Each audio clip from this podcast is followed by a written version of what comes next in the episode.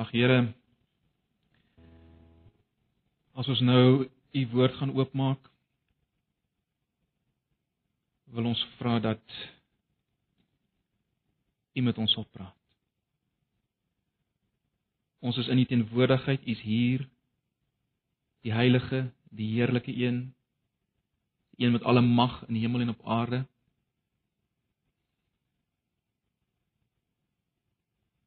U ken ons elke een deur en deur in hierdie oggend. Ons vra dat U uit genade met ons sal werk en kom praat op grond van Jesus en dit wat hy in ons plek gedoen het.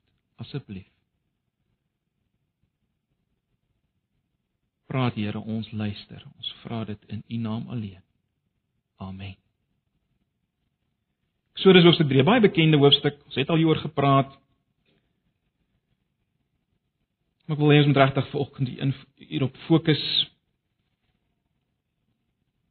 Gaan iets sê oor hoofstuk 4, maar hoofstuk 4 sal ons meer inbring ook by by volgende week se boodskap.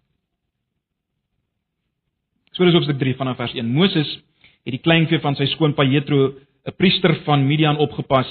Hy het die kleinvee diep in die woestyn ingejaag totdat hy by Horeb, die berg van God, gekom het. Toe verskyn die engel van die Here aan hom in 'n vlam binne in 'n doringbos. Terwyl hy kyk, sien hy dat die doringbos aanhou brand, maar nie uitbrand nie. En Moses sê vir homself: "Ek wil tog 'n bietjie nader gaan om hierdie wonderlike verskynsel te bekyk. Waarom brand die doringbos dan nie uit nie?" Letterlik, waarom verbrand hy nie, sê die 53 vertaling. Waarom verbrand hierdie bos? Toe die Here sien dat hy nader kom om te kyk, roep God na hom uit die doringbos: "Moses, Moses!" En hy antwoord: "Hier is ek." Die Here sê te vir hom: Moenie nog nader kom nie. Trek uit jou skoene want die plek waarop jy staan is gewyde grond, letterlik heilige grond. Verder sê hy: Ek is die God van jou voorvaders, die God van Abraham, die God van Isak, die God van Jakob. Toe maak Moses sy gesig toe want hy was bang om na God te kyk. Daarna sê die Here: Ek het die ellende van my volk in Egipte duidelik gesien en hulle noodkrete oor die slawedrywers gehoor. Ek het hulle lyding ter harte geneem. Daarom het ek afgekom om hulle uit die mag van Egipte te bevry en om hulle daarvandaan te laat trek na 'n goeie en uitgestrekte land, 'n land wat oorloop van melk en honing. Dit is die land van die Kanaaniete, Hittite, Amoriete, Ferisiete, Hewiete en Jebusiete. Die noodkrete van die Israeliete het my bereik en ek het ook aanskou hoe Egipte hoe Egipte hulle verdruk. Daarom stuur ek jou na die Farao toe sodat jy my volk, die Israeliete, uit Egipte kan bevry. Toe sê Moses vir God: Wie is ek dat ek dit by die Farao sou waag en dat ek die Israeliete uit Egipte sou bevry? God het Moses geantwoord: Ek sal by jou wees. En die bewys dat ek jou gestuur het sal dit wees wanneer jy die volk uit Egipte bevry het, sal jy my by hierdie berg aanbid. Daarna sê Moses vir God: Sê net maar ek kom by die Israeliete en ek sê vir hulle: Die God van julle voorvaders het my na julle toe gestuur en hulle vra vir my: Wat is sy naam? Wat moet ek dan vir hulle sê? Toe sê God vir Moses: Ek is wat ek is. Jy moet vir die Israeliete sê ek is het my na julle toe gestuur. Verder sê God vir Moses: Jy moet ook nog vir die Israeliete sê: Die Here, die God van julle voorvaders, die God van Abraham, die God van Isak, die God van Jakob het my na julle toe gestuur. Dit is ewig my naam. Dit is die naam waarmee ek aangeroep moet word van geslag tot geslag. Ons kan net so ver lees, verder gaan sê die Here wat uh, hy moet doen. Ons sal volgende week weer daarna verwys. Kom ons lees net tot daar.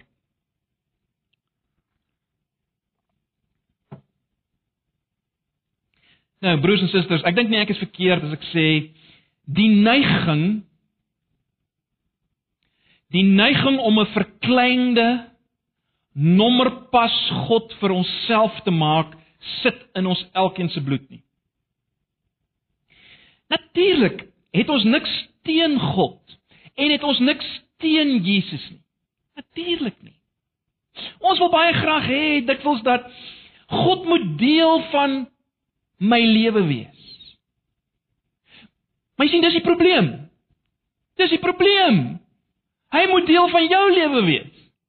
Dis die probleem. Hy moet inpas by my. Hy moet speel volgens my reëls. Hy moet gelukkig wees met wat ek doen en waar ek my bevind. Hy moet daarbey inpas. 'n Lekker manipuleerbare, draagbare, kompakte God wat ek neem waar ek wil. Maar natuurlik 'n God wat bloot eenvoudig te klein is om werklik te vertrou as die tek hierdie teer slaan, as dit regtig moeilik gaan. God wat te klein is. Nou, ek moet dadelik sê ek glo nie een van ons doen dit doelbewus of wil dit doelbewus doen nie, maar ons almal loop gedurig die gevaar broers en susters om 'n klein, kompakte, manipuleerbare God vir onsself te maak. En natuurlik, die probleem is dis onmoontlik om so God te aanbid. Dis onmoontlik.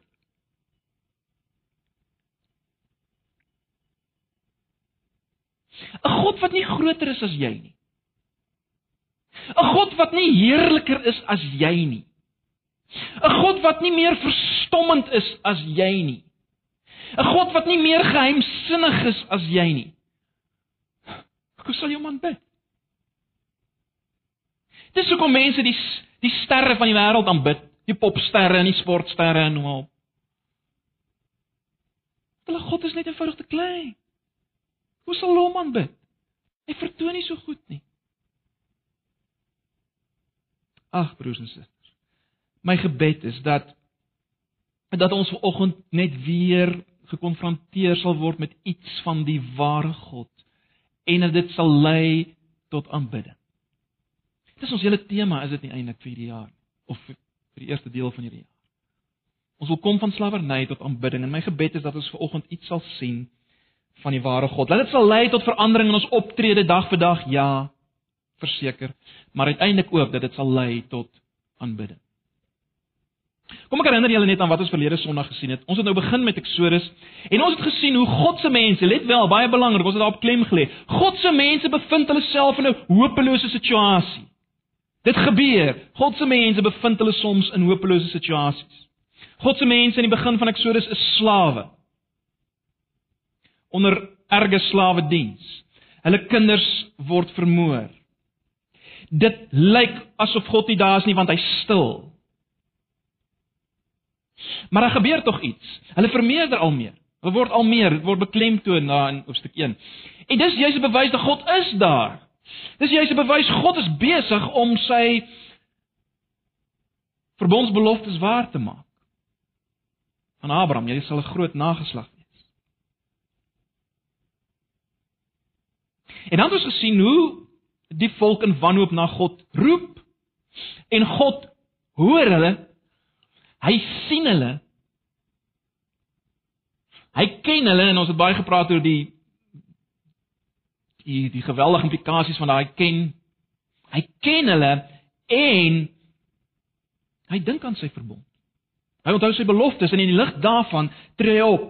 God tree op, maar hy tree anders op as wat ons sou verwag het. En wat as wat hulle sou verwag het, nee, hy tree heeltemal anders op. Hy laat 'n babatjie gebore word. 'n Babatjie wat gebore word onder hierdie swaard van uitwissing. En dan gaan hy en hy laat hierdie babatjie wegsteek in die Nyl, een van die gode van Egipte. Hy laat toe dat hierdie babatjie uiteindelik deur sy eie ma grootgemaak of of gevoed word en uiteindelik kry hy die beste opleiding wat moontlik is in daai tyd in Egipte. Dis hoe God antwoord.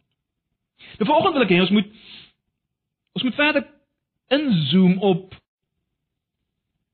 hierdie baba, Moses. Hy het natuurlik groot geword en ons sien in hoofstuk 2 dat hy vroeë pogings aangewend het om homself te identifiseer met met sy volk, met God se volk. Julle ken almal die die geval van die die, die man wat sleg behandel is deur 'n Egiptenaar, met ander woorde een van Moses se se volksgenote. Ehm um, op daai stadium het Moses natuurlik aan die kant van die Egiptenare gestaan as te ware, maar een van hulle word sleg behandel en en Moses tree op en as gevolg daarvan moet hy hierdie Egiptenaar doodslaan, moet hy vlug en uiteindelik bevind hy hom in die woestyn. En dan word al sy ambisies om sy volk te bevry het tot niks gekom nie. Vir jare, was hy geskei van hierdie volk. Onthou dit in sy hart opgekom. Ons sien dit ook in die boek Hebreërs. Hy wou hierdie volk bevry. Die Here het in sy hart gewerk, maar nou is hy geskei van hierdie mense. Hy kyk na skaap in die woestyn. Daar's geen twyfel broers en susters dat Moses van God verlate gevoel het nie. Ja, Hebreërs 7 wat verwys na hierdie insident, Hebreërs 7 verse 25 sê dat Moses het gehoop om 'n herder vir Israel te word en op die oomblik was hy 'n herder vir gewone skape. Ek dink nie ons sal verkeerd te sê dat Moses het gevoel dat God hom oorgeslaan het. Die woestyn rondom hom was in 'n sekere sin simbolies van van die woestyn waarin hy homself beleef het in hom. Hy was ver weg van die genieting van God se teenwoordigheid. Hoe waar dit is hy is geplaag deur God se afwesigheid. Hy's geplaag deur God se afwesigheid. Met ander woorde, mens kan sê sy verlede was troebel, sy sy huidige toestand was onbetekenisvol, sy toekoms was relatief rigtingloos. Miskien voel jy vanoggend so, miskien is dit die toestand waarin jy is. Wat jou verlede betref, jou huidige toestand, jou toekoms. Min het Moses geweet dat hy op die punt staan om 'n ontsaglike aardskuddende belewing te ondergaan. Hy sou nooit weer dieselfde wees nie. Want ons het gelees by Horeb waar hy sy skoonpa Jethro se skape oppas, ontmoet hy God. Hy ontmoet God. Ag en dis my gebed dat dat ek en jy ver oggend en in die dae wat kom iets van so ontmoeting met God self sal hê.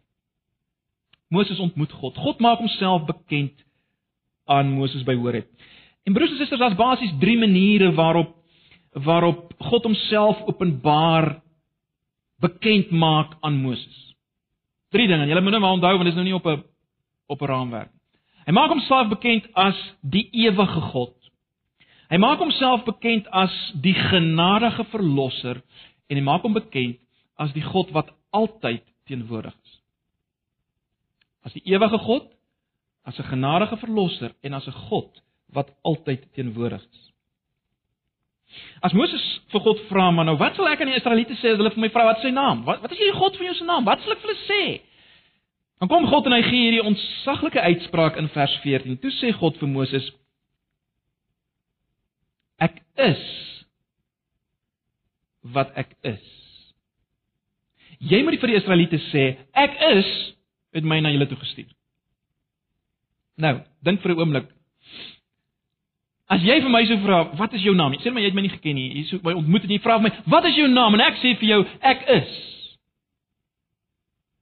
Jy sou waarskynlik gedink het of ek probeer snaaks wees of ek probeer doelbewus nie vir jou sê wie ek is nie. Met ander woorde, ek wil vir jou verberg wie ek is. Dis wat jy sou dink. Maar broers en susters, as God sê sy naam is ek is, dan wil hy ons dan wil hy nie homself van ons wegsteek in die in die, in die laaste analise nie. Nee, hy maak homself op 'n baie spesiale manier bekend as hy dit sê. Hy sê vir ons wie hy regtig is. Sy naam sê geweldig baie. Deur al die name in die in die Ou Testament se tyd het betekenis gehad. Hierdie naam ontsaglik. Ek het twee Sondag vir twee ja, ek dink dis twee sonder gelede eh, na hierdie insident verwys en ek vir julle gesê dat wat God per definisie vir Moses sê as hy sê ek is wat ek is, hy sê vir hom kyk Moses, wat jy iemand is wat 'n begin het en allerlei belewinge deurgemaak het en uiteindelik gaan jy 'n einde, jy gaan sterf. Wat dit waar is van jou Moses, dis nie waar van my nie. Ek is In ander woorde, God ken nie begin of einde nie, hy is bloot. Van ewigheid tot ewigheid is hy bloot. Moses het op 'n sekere punt begin bestaan. Jy en ek het op 'n sekere punt begin bestaan, maar nie God nie. En broers en susters, dit openbaar God. Dit wys vir ons wie hy is. Dit verberg hom nie. Dit wys vir ons, dit sê vir ons wie hy is. Dit dit beskryf die realiteit van sy wese.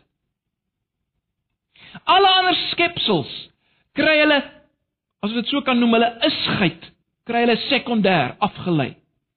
God se isgheid is onafgelei. Oorspronklik. Kyk, jy is omdat jy 'n pa ma gehad. En hulle was weer omdat hulle van 'n pa ma afkom. Dis nie waar van God nie. Sy isgheid is oorspronklik. Hy kom van niemand af. Jy al daaraan gedink? Hy's Eva. Daar's niks voor hom nie. Dink julle soms daaraan? Daar's niks voor God. Jy kan nie agter hom gaan en sê, "Oké, okay, okay, maar iets moes hom." Nee. Daar daar's nie iets wat hom daar gesê daar gestel het. Hy hy was net van al altyd af. Ewig. Dit laat mense dink dit duisel, né? Nee, dit dit is dis dis buite ons verstaan. Maar broers en susters, dit sê vir ons onmiddellik, God speel in 'n ander liga as ek en jy. Hy's net soveel groter. Soveel anders. Dis die geheimenis van die heelal en as ek dit so kan stel is ook die fondasie dit dis die soliede fondasie van die heelal is is hierdie waarheid van wie hy is. Dis geen wonder dat Moses die bevel kry, trek jou skoene van jou voete af. Die grond waarop jy staan is heilig. Jy's in die teenwoordigheid van God. Moses was in die teenwoordigheid van God, die werklike God. Nou, vir vir die nie-Christen is hierdie waarheid van God. Dit is nou na gekyk. Is eintlik ondraaglik. En ek wil nie vanoggend daarop fokus nie, maar maar dit beteken eintlik as nie Christen gaan ek nooit kan wegkom van hom af nie. Ek het met hom te doen. Maar daarop wil ek nie vanoggend fokus nie. Wat sê hierdie waarheid vir vir ons as gelowiges? Wel broers en susters, dit bring geweldige troos. Geweldige troos. Ons sien dit byvoorbeeld in Psalm 90. Uh in Psalm 90 is die is die skrywer van die Psalm baie bewus van die van die kortstondigheid van die lewe, uh van die oënskynlike onbelangrikheid van die mens se lewe. Hy sê die mens is soos soos die gras wat vandag daar is en dan verdor dit in die aand. In ander woorde, uh, die tydelikheid en die swakheid van die mens. Hy hy's daarmee gekonfronteer uh, gekonfronteer en en die vraag is in die lig van hierdie tydelikheid en hierdie swakheid van van ons as mense, wat Wat is die vertroosting? Is daar enige vertroosting? En dan kom die psalmdigter en hy sê in vers 2: Voordat die berge gebore was en u die aarde en die wêreld voortgebring het, ja van ewigheid tot ewigheid is u God. Van ewigheid tot ewigheid is u God. Broers en susters, in 'n wêreld van konstante verandering, 'n wêreld van chaos. Is Suid-Afrika van chaos? In die chaos van jou lewe vanoggend is daar een konstante en is God. God is altyd dieselfde. God is altyd dieselfde.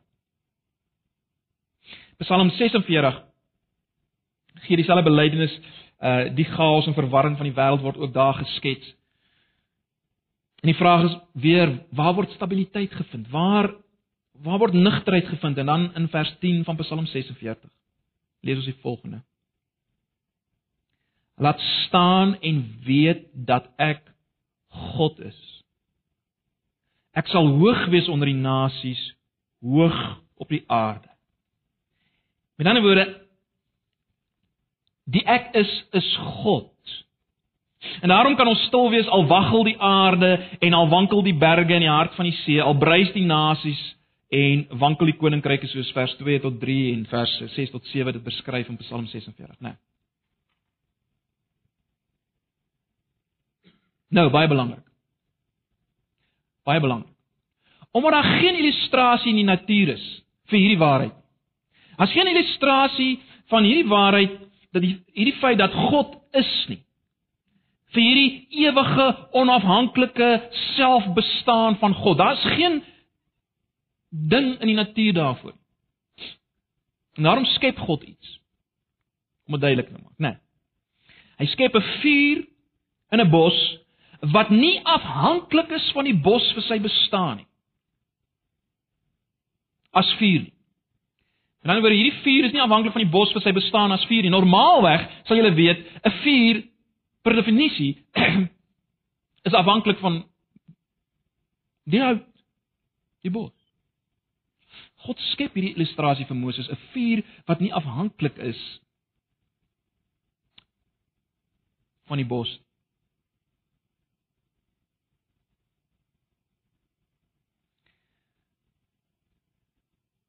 Wie is die bos? Die bos is Israel. En die vuur is God. Bos is Israel en die vuur is God.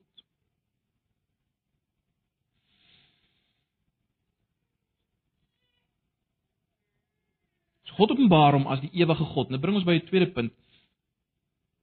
God openbaar hom as die genadige verlosser. God openbaar homself as die genadige verlosser. So Moses is aangetrek deur hierdie vuur wat nie afhanklik was van die bos nie, né? Hy's aangetrek daardeur.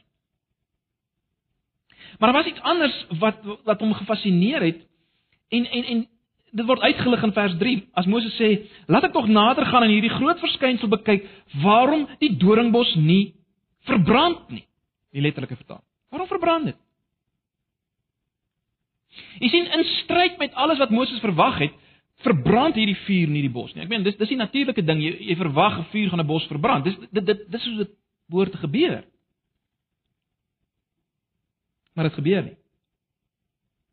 Nou, Moses het waarskynlik nie toe dit heeltemal verstaan nie. Natuurlik nie. Hy het dit nie heeltemal verstaan nie.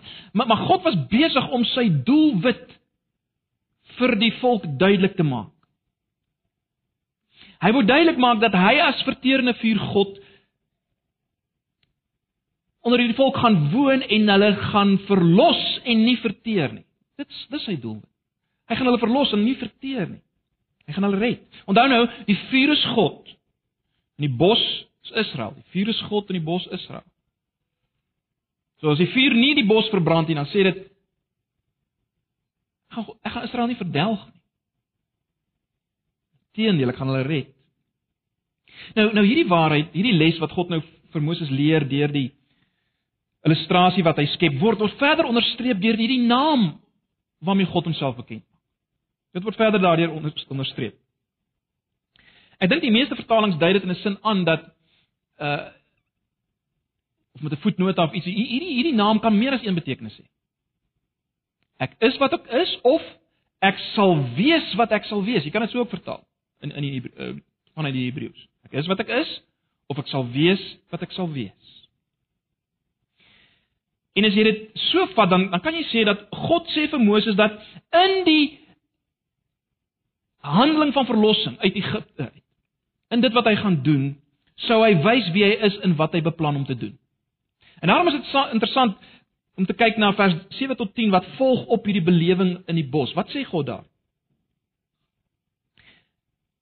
vers 7 tot 10 en die Here sê ek het duidelik gesien die ellende van my volk wat in Egipte is en ek het hulle jammerklagte oor hulle drywers gehoor ja ek ken hulle smarte daarom het ek neergedaal om hulle uit die hand van die Egiptenare te verlos en dan gaan hy voort en hy hy noem al die volke waar hy hulle hy hulle sal bevry Broers en susters die werkwoorde in hierdie gedeelte sê nogal vir ons baie die werkwoorde hier. Oor en oor verskyn dit in die eerste persoon enkelvoud. Ek het. Ek het. Jy sien, God sê nie so seer vir Moses wat hy nou moet doen nie. Hy sê nie so seer dit vir Moses nie. Hy sê wat hy gaan doen. Hy sê wat hy gaan doen. Wat hy beplan. Hy gaan dit doen. Hy gaan handel met hulle vyande. Hy gaan hulle bevry. Maar maar ons moet nog iets raak sien. Hier is 'n sekere kwaliteit omtrent hierdie werkwoorde wat God gebruik. Hier is 'n sekere kwaliteit omtrent hierdie werkwoorde. Het julle dit raak gesien? sien hoor bekommerd neergedaal. sien julle wat wat wat wat se kwaliteit het hierdie werkwoorde? So nie net is hierdie werkwoorde almal in die eerste persoon enkelvoud ek het nie, maar hierdie werkwoorde het 'n sekere kwaliteit, hoor. Hierdie werkwoorde het 'n sekere kwaliteit. sien, hoor, bekommerd, neergedaal. Dit alles beskryf wat? Dit alles beskryf die omgee, die liefde van God vir sy volk. Die omgee, die liefde van hierdie verterende vuur wat nie die bos Israel verteer nie. Sy liefde. Met ander woorde broers en susters, wat ons baie duidelik moet sien en en wat Moses moes verstaan en later al meer sou verstaan waarskynlik is dit. Die onafhanklikheid van God, die selfbestaan van God moet nie verwar word met onbetrokkenheid en onbelangstellendheid. Met ander woorde, jy moet nie vanoggend vir jouself sê ja, maar kyk, as God so is, as hy is, ek is, as hy van ewigheid is, as hy as hy is soos die vuur wat nie afhanklik is van die bos vir sy bestaan nie, wel dan dan is kan hy ook nie betrokke wees by my by my nie. Dan is hy dan dan stel hy nie regte belang in my nie, want hy's net hy's net totaal nee. Moenie dit verwar nie. Dis die punt. Hy is betrokke en hy stel belang. En ek en jy moet dit hoor. Ons moet dit hoor. Hierdie God, die verterende vuur, God wat nie afhanklik is van ons vir sy bestaan nie, stel belang en hy is betrokke. Dis geweldig, is dit? Geweldig. Jy sien die teenoorgestelde is die is die waarheid. In plaas daarvan dat hy onbetrokke en onbelangstellend is as gevolg van sy selfbestaan, is die teenoorgestelde waar. En daar's 'n wonderlike gedeelte in Jesegiel 16. Ek het dit seker al heelwat kere hier vir julle gelees, maar dit bly 'n aangrypende gedeelte. Wat wat wat wat iets hiervan beskryf. Jesegiel 16 vanaf vers 4 tot 7. God beskryf iets van sy verhouding met Israel. Luister wat sê hy. Jesegiel 16 vanaf vers 4 tot 7. En wat jou geboorte aangaan, hy praat nou met die volk as volk. En wat jou geboorte aangaan, die dag toe jy gebore is, is jou naalstring nie afgesny nie en jy is nie met water gewas om jou te reinig nie. Ook as jy nie met sout ingevrywe of in doeke toegedraai. Nou dis die gebruike van daai dag wat ons nou nie heeltemal sal verstaan nie. Uh, vers 5 van Jesegiel 16. Geen oog het medelee met jou gehad om vir jou een van hierdie dinge te doen nie, om vir jou jammer te wees nie. Maar jy is op die oop veld gegooi uit afskeid vir jou lewe die dag toe jy gebore is. En dan vers 6. Ek Ek het by jou verbygegaan. En jou sien spartel in jou bloed. Kry die prentjie. Kry die prentjie. Hierdie babatjie wat weggegooi is en sy bloed spartel, dis die volk. Dis soos hulle was hier in Egipte. En ek het toe toe het ek vir jou gesê in jou bloed leef. Ja, ek het vir jou gesê in jou bloed leef. Dis wat God gedoen. Dis die dis die verterende vuur God. Ja, die volk sal te doen kry met 'n verterende vuur God in hulle midde, maar hy's 'n genadige verlosser. Hy's 'n genadige verlosser. So dis die onbegryplike van die beeld wat die God eh, wat God hier skep. In die eerste plek het ons nou gesien, die vuur is nie afhanklik van die bos nie. In die tweede plek het ons gesien die vuur verteer nie die bos nie. En die ding wat ons moet baie duidelik sien is dat hierdie vuur was teenwoordig in die bos. Dis die logiese, né? Nee, hy was teenwoordig in die bos. En dis die derde manier waarop God homself openbaar. God openbaar homself as die God wat altyd teenwoordig is. God het aan Moses gesê ek is sal met jou wees, ek sal met die volk wees. Die vraag is natuurlik in watter sin sal hy by die volk wees? Wel, wat is die konteks? Die die hele konteks gee die antwoord. Ons het al in hoofstuk 2 vers 24 dit gesien. God onthou sy verbond. Dis die konteks. God onthou sy verbond. Hy sal sy belofte hou aan Abraham, Isak en Jakob. En wat is die hart van die belofte wat dwars deur die Bybel loop? Wat is die hart daarvan? En hierdie frase op 'n of ander manier loop dwars deur die Bybel. Ek sal vir jou God wees. Jy moet my volk wees. Ek sal vir jou God wees. Jy moet my volk wees. Ek het al vir julle gesê in 'n sekere sin lê dit alreeds in Genesis 1 en 2. Ek sal vir jou God wees, jy moet my mens wees, né? Nee, dit dit lê daar. Dit is dis waaroor dit gaan. Dis die sin waarin God teenwoordig is. Broers en susters, dis in 'n sekere sin die hart van die evangelie, is dit nie? Immanuel, God met ons. Immanuel, God met ons. Dis die hart van die evangelie. 'n Mens hoor soms dat dat een Christen 'n ander Christen bemoedig en hom sê kyk vertrou die God wat die onmoontlike doen om vir jou die onmoontlike te doen. Nou dis nie heeltemal verkeerd nie, maar dis nie heeltemal die groot punt in die Bybel nie.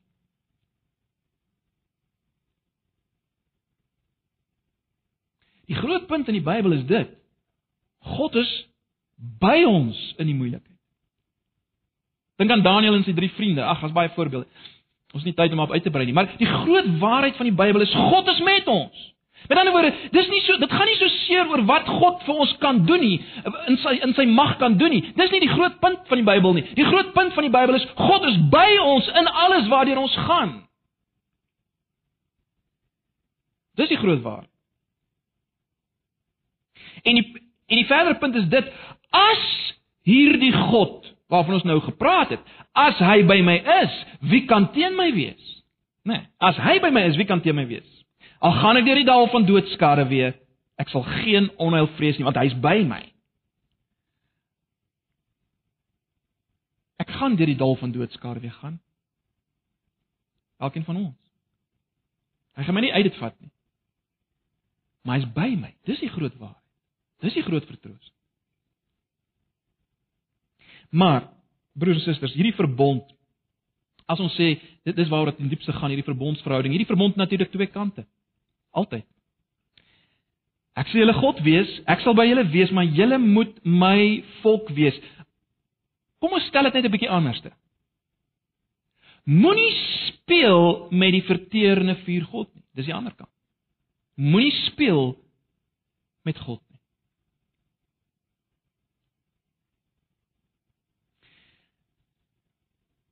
Ons sal dit sien verder in Eksodus, maar julle julle weet dit, die volk het nie altyd daar daarmee rekening gehou nie. Hulle het nie rekening gehou met God se heilig heiligheid nie. En ons ons ons ons ons weet nou al van wat gaan gebeur by die in die goue kalf episode, né? Uh en en en uiteindelik het die toorn van God daar die volk getref en baie het gesterf. Uh Eksodus 32 vers 35 baie het gesterf. Dit is baie interessant. God is huiwerig. Geweldig. God is huiwerig daarna om saam met die volk te beweeg. Hy's huiwerig om om om om die volk bloot te stel aan sy heilige teenwoordigheid. Hy's huiwerig. En daarom gaan hy so ver om te sê 'n uh, uh, uh, engel sal saam met hulle gaan in in Hoofstuk 33 vers 2 en 3. Uh, anders sal julle verteer word op die pad as 'n engel nie saam met julle gaan nie. En dan kom Moses en julle julle weet dit Moses tree in. Hy pleit by God dat God self sal saam met hulle gaan en uiteindelik uh sê God goed, ek sal dit doen. Maar jy sien Israel was geneig om mak te raak met God, om God te vergeet, mak te raak. En en is geweldig. Dit waar waar waaroor God waarsku daar in Eksodus 32 gebeur later, né? As mens kom by Numeri 11 vers 1 tot 3, dan kry mens daai skrikwekkende gebeurtenis waar die vuur van God letterlik gebrand het onder die mense, soos 'n vuur, 'n vuur het gebrand onder die mense. Mens kan amper sê die dit wat by die brandende bos gebeur het is omgekeer, die vuur het die bos verbrand. Hoekom? Hulle het nie rekening gehou met God se heiligheid nie. Hulle het nie rekening gehou met die een wat by hulle is. Hulle het gespeel daarmee. Ag, en broers en susters, hierdie hele tema van van God as verterende vuur kry ons weer in in 'n uh, die boek Maleagi, né? Nee. Die boek Maleagi. Luister net na hoofstuk 3. Hoofstuk 3 van Maleagi. Vers 1 en 2 van Maleagi 3. Ek gaan nou my boodskappers stuur. Hy sal die pad voor my uitregmaak en dan sal die Here na wie hulle soek skielik na sy tempel toe kom. Ja, die verbondsgod na wie hulle uitsien. Die verbondsengel na wie hulle uitsien. Ehm uh, of na wie hulle met soveel vreugde uitsien gaan nou kom sê die Here die almagtige. Maar vers 2. Maar wie kan die koms van die engel verdra? Wie kan standhou wanneer hy verskyn hy soos 'n vuur van die smelters en soos die seep van die wassers? En dan ook weer in hoofstuk 4 vers 1. Die dag kom en hy brand soos 'n oond Die wat teen God in opstand is, almal wat verkeerd doen sal kaf wees en hulle sal verbrand word deur die dag wat kom, sê die Here die Almagtige.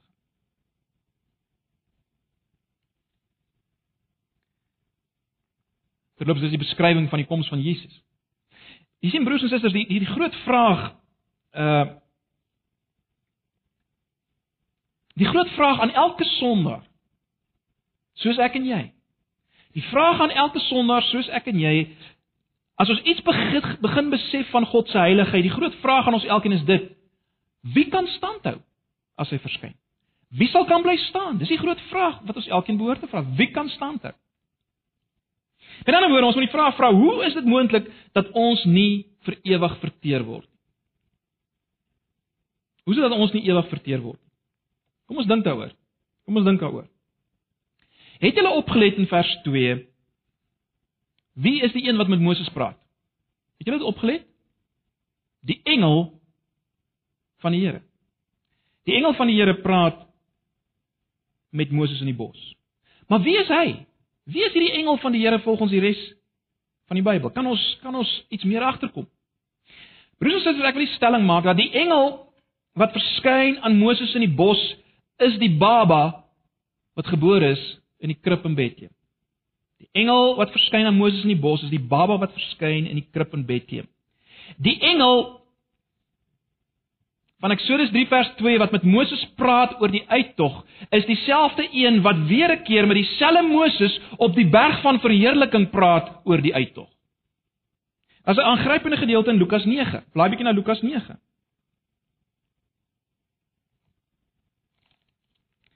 Ongelukkig sien ons dit nou nie so duidelik in ons uh, vertalings nie, maar dis daar.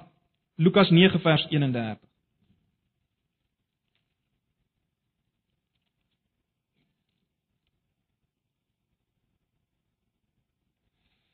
Dis die verheerliking op op die berg, die gedeelte oor die verheerliking op die berg. Lukas 9 vers 31. Miskien moet ons net in vers 30 lees. Skielik was daar twee manne saam met hom wat saam met hom praat. Dit was Moses en Elia. Baie interessant, Moses en Elia. En dan vers 31, hulle het in die hemelse glans verskyn en met hom gepraat oor sy uittog wat hy in Jerusalem sou voltooi. Nou die die woord in die Grieks is sy Exodus wat hy sou voltooi.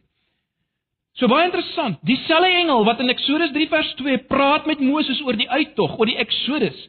Dieselfde een praat nou weer met die verheerlikte Moses oor 'n tweede uittog, 'n tweede Eksodus wat hy in Jerusalem sou voltooi, dit wat sou gebeur op Golgotha, sy verlossing. Dis dieselfde persoon, die engel van die Here.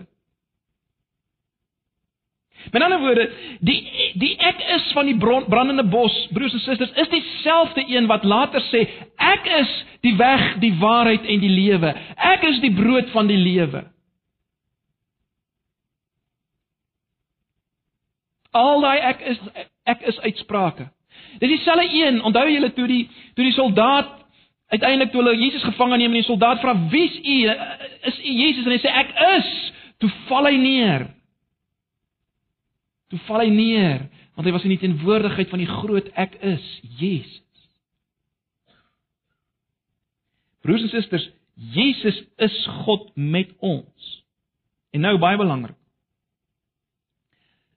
Die geweldige is dit.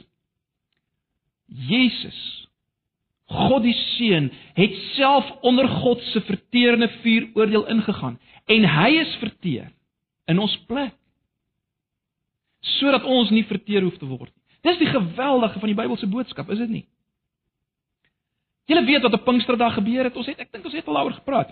Op Pinksterdag gebeur die ongelooflike nadat Jesus opgevaar het na sy kruisiging, sy sterwe, sy opstanding en hy vaar op na die hemel. Wat gebeur? Die Heilige Gees word uitgestort. Wat gebeur? Wat wat word sigbaar gesien? Vier vlamme wat hulle self verdeel en op die koppe van hierdie mense gaan sit. Wat sê dit? Die heilige verteerende vuur God van die brandende bos wat aan Moses verskyn het, is in julle midde, meer nog is in julle en julle word nie verteer nie. En die enigste rede hoekom julle nie verteer word nie, is as gevolg van dit wat Jesus gedoen het in julle plek. Die enigste rede. Broers en susters, dis die waarheid van die evangelie. Vanoggend is die heilige verteerende vuur God hier. Hy's hier. Hy's in ons midde.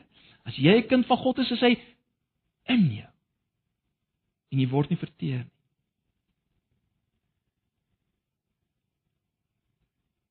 Beteken natuurlik nie dat ons kan speel met hom nie.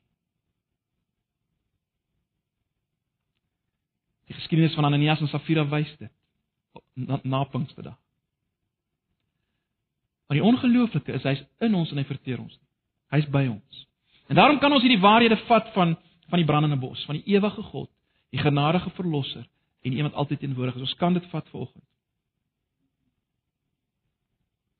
Broers en susters, die feit dat hy steeds 'n vertierende vertierende vuur God bly, al is sy genade. Ons kan steeds nie speel met hom nie. Daai feit maak hom natuurlik nog meer ontzagwekkend en dit maak hom nog meer aanbiddingswaardig, né? Nee, dit maak hom nog meer aanbiddingswaardig.